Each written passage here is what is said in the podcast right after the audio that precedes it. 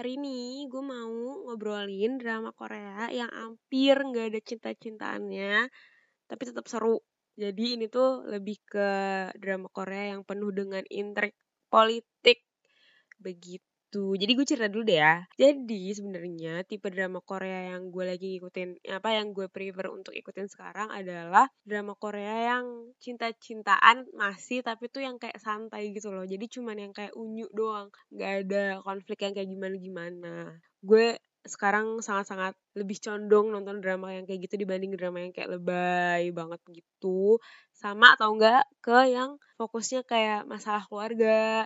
Jadi tuh kayak banyak hal-hal yang bikin hati hangat. Itu gue juga suka sih drama kayak gitu. Pokoknya intinya sih sekarang gue udah males banget nonton drama yang tokoh antagonisnya tuh kayak jahat banget banget banget banget. Yang kayak bikin tokoh utamanya tuh kayak bisa nangis nggak kelar kelar kayak hidupnya sengsara gitu. Gue udah males banget dah asli. Dulu sih gue suka ya kayak The Heras itu tuh dulu gue suka banget gitu yang drama kayak gitu.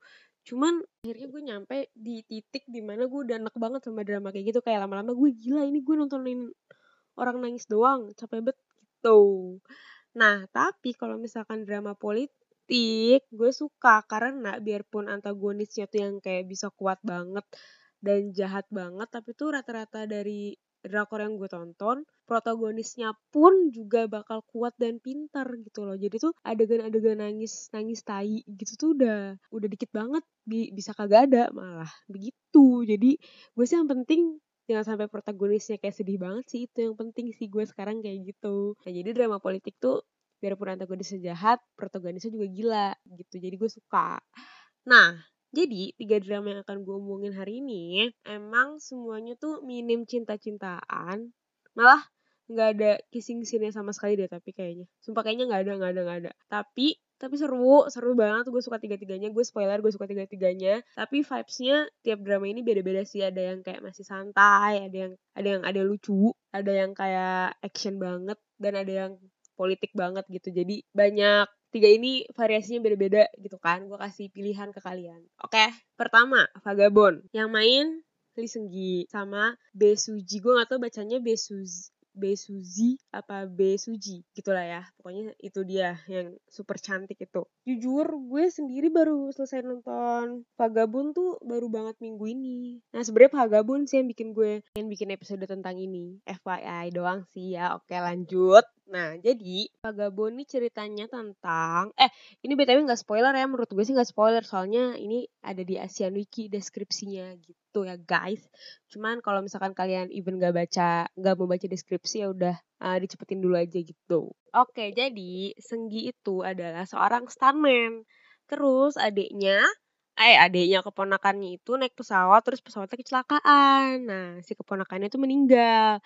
Cuman si Senggi ini akhirnya kayak nyadar kalau ada hal-hal yang hal-hal yang aneh dari kecelakaan pesawat itu akhirnya dia mulai nyelidikin dan ternyata emang itu bukan kecelakaan pesawat biasa. Nah si Senggini penyelidikannya dibantu sama anggota NIS. NIS tuh kayak BIN gitu ya kalau di Indonesia untuk menyelidiki kayak aslinya tuh kenapa sih kenapa sih kalau tega-teganya bikin pesawat terbang jatuh yang makan banyak korban Gitu guys, cerita tentang itu sih intinya tentang itu. Nah ini tuh actionnya banyak banget kayak tiap episode tuh pasti berantem banget banget banget banget banget. Cuman menurut gue nggak bosen karena politiknya tuh juga complicated. Jadi tuh seimbang sih menurut gue.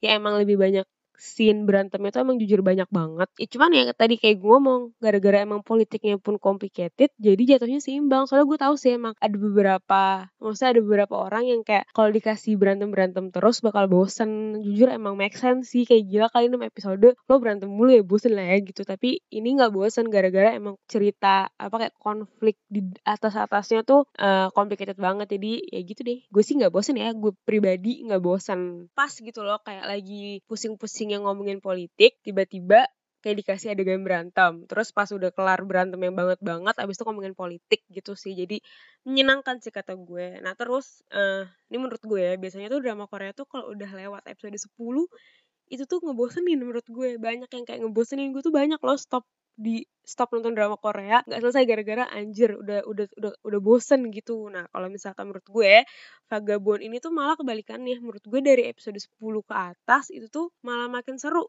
Gue tadinya dari 1 sampai 9 gitu lah gue tuh masih kayak hmm ya udah oke oke oke kayak gitu. Cuman dari udah 10 ke atas tuh gue malah kayak ih anjir ini gimana ini gimana gitu. Malah bikin tambah bikin gergetan sih menurut gue. Seru sih guys seru.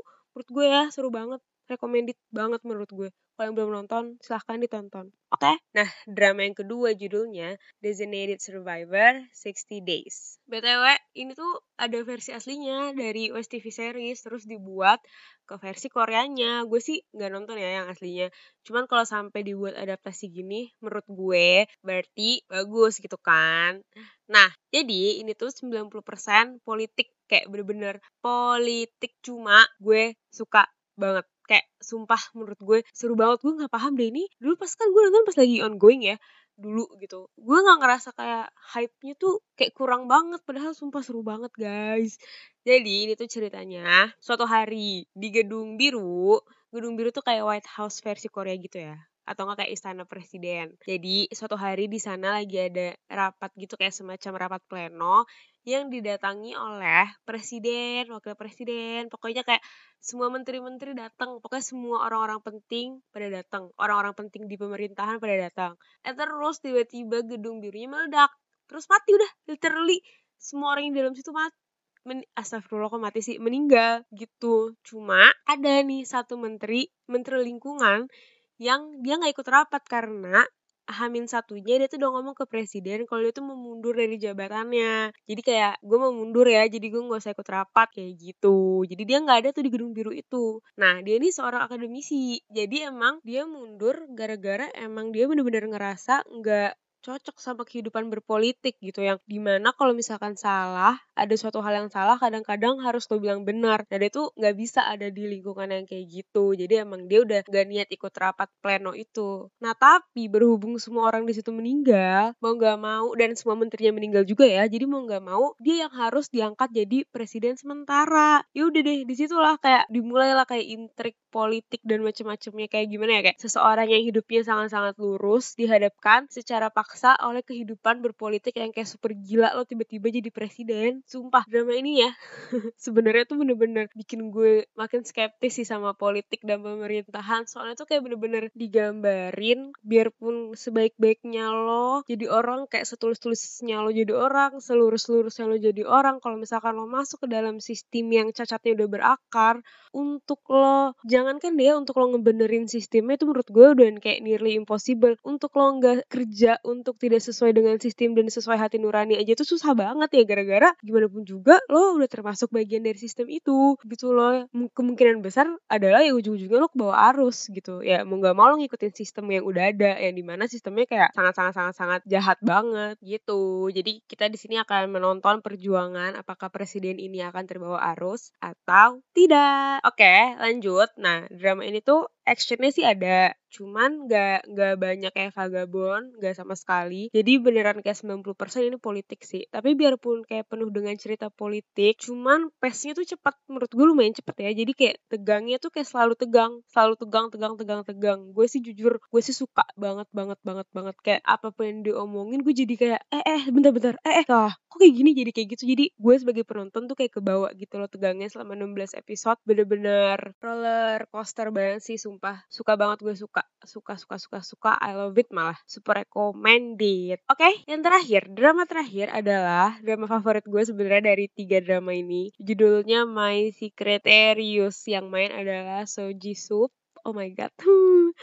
Dari antara semua ajusi-ajusi yang kayak diomongin orang-orang So Jisoo tuh nomor satu bagi gue. Jadi emang gue akuin ini gue lumayan bias tapi ya udah bodo amat ya. Nah dari drama-drama yang udah gue sebutin di awal ini tuh drama yang paling less konflik antagonisnya jujur udah ketebak dari episode 5 kayak teka-tekinya tuh udah ketebak terus plot hole-nya pun lumayan berasa banget. Cuman anjir ini drama tuh kayak lucu dan gemes banget. Jadi si Jisoo ini adalah sumpah gue so ini banget ngomongnya Jisoo ya udah ya. Jadi si Jisoo ini tuh mantan anggota NIS yang dianggap berkhianat gara-gara sih dijebak dia gitu kan. Nah terus ya udah akhirnya dia ngumpet gara-gara dia jadi buronan nomor satu gitu di NIS. Nah tempat dia tinggal gitu tempat dia ngumpet adalah apartemen yang ditinggalin sama geng ibu-ibu rempong. Terus tetangga dia adalah ibu dari dua anak yang suaminya tuh meninggal dan termasuk ke dalam geng si ibu-ibu rempong itu. Nah terus karena satu dan lain hal akhirnya Jisup ini gue sumpah gue gak enak banget sih ngomongnya Jisup. Jadi deh so Jisup gitu ya biar lebih hormat. Karena udah tua banget udah sumpah umurnya tuh udah kayak 40 ke atas tau gue ya. Tapi dia baru banget nikah tahun ini kan 2020 terus tau gak sih nikahnya tuh sama umur di atas gue setahun jadi dia nikah sama anak tahun 94 terus gue kayak pas baca beritanya gue kayak oh my god jujur gue sempet iri sama istrinya kayak oh my god cuman ya udahlah ya kayak I'm happy for So Jisoo udah menikah tahun ini. Oke, okay? sumpah gila. gue gue salah fokus banget. Gue ya Allah, tadi sampai mana ya Allah lupa. Sampai ini kali ya, sampai akhirnya pokoknya akhirnya si So Jisoo ini harus pura-pura jadi babysitter tetangganya itu. Ya udah dari situlah kayak ceritanya bermulai. Sumpah sih, sumpah ya menurut gue ini kocak banget terutama geng ibu-ibunya. Ini tuh bukan geng ibu-ibu yang kayak ngeselin gitu, enggak enggak sama sekali. Mereka super kocak super gila anjir jadi ibu-ibu ini tuh punya kayak grup gitu semacam grup WhatsApp yang isinya tuh buat kayak bertukar info masalah anak-anak mereka atau gosip atau kayak kejadian-kejadian di sekitar apartemen. Nah, ya udah kalau misalkan ibu-ibu tuh udah kepo kan kayak 99% tuh bakal dapat aja gak sih kayak infonya?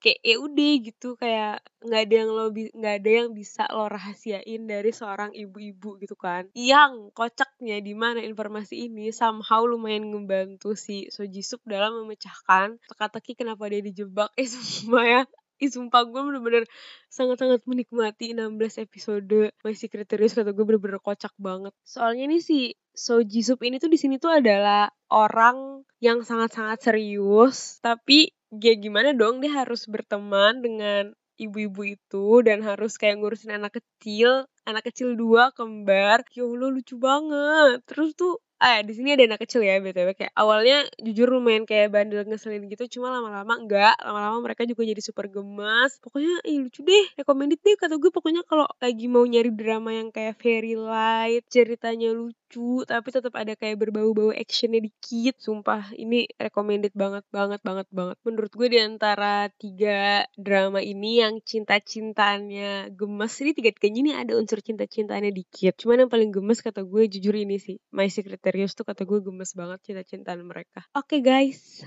itulah drama-drama Korea yang les cinta-cintaan cuman tetap seru. Semoga bisa nambahin referensi buat teman-teman yang lagi kebingungan mau nonton apa, oke? Okay?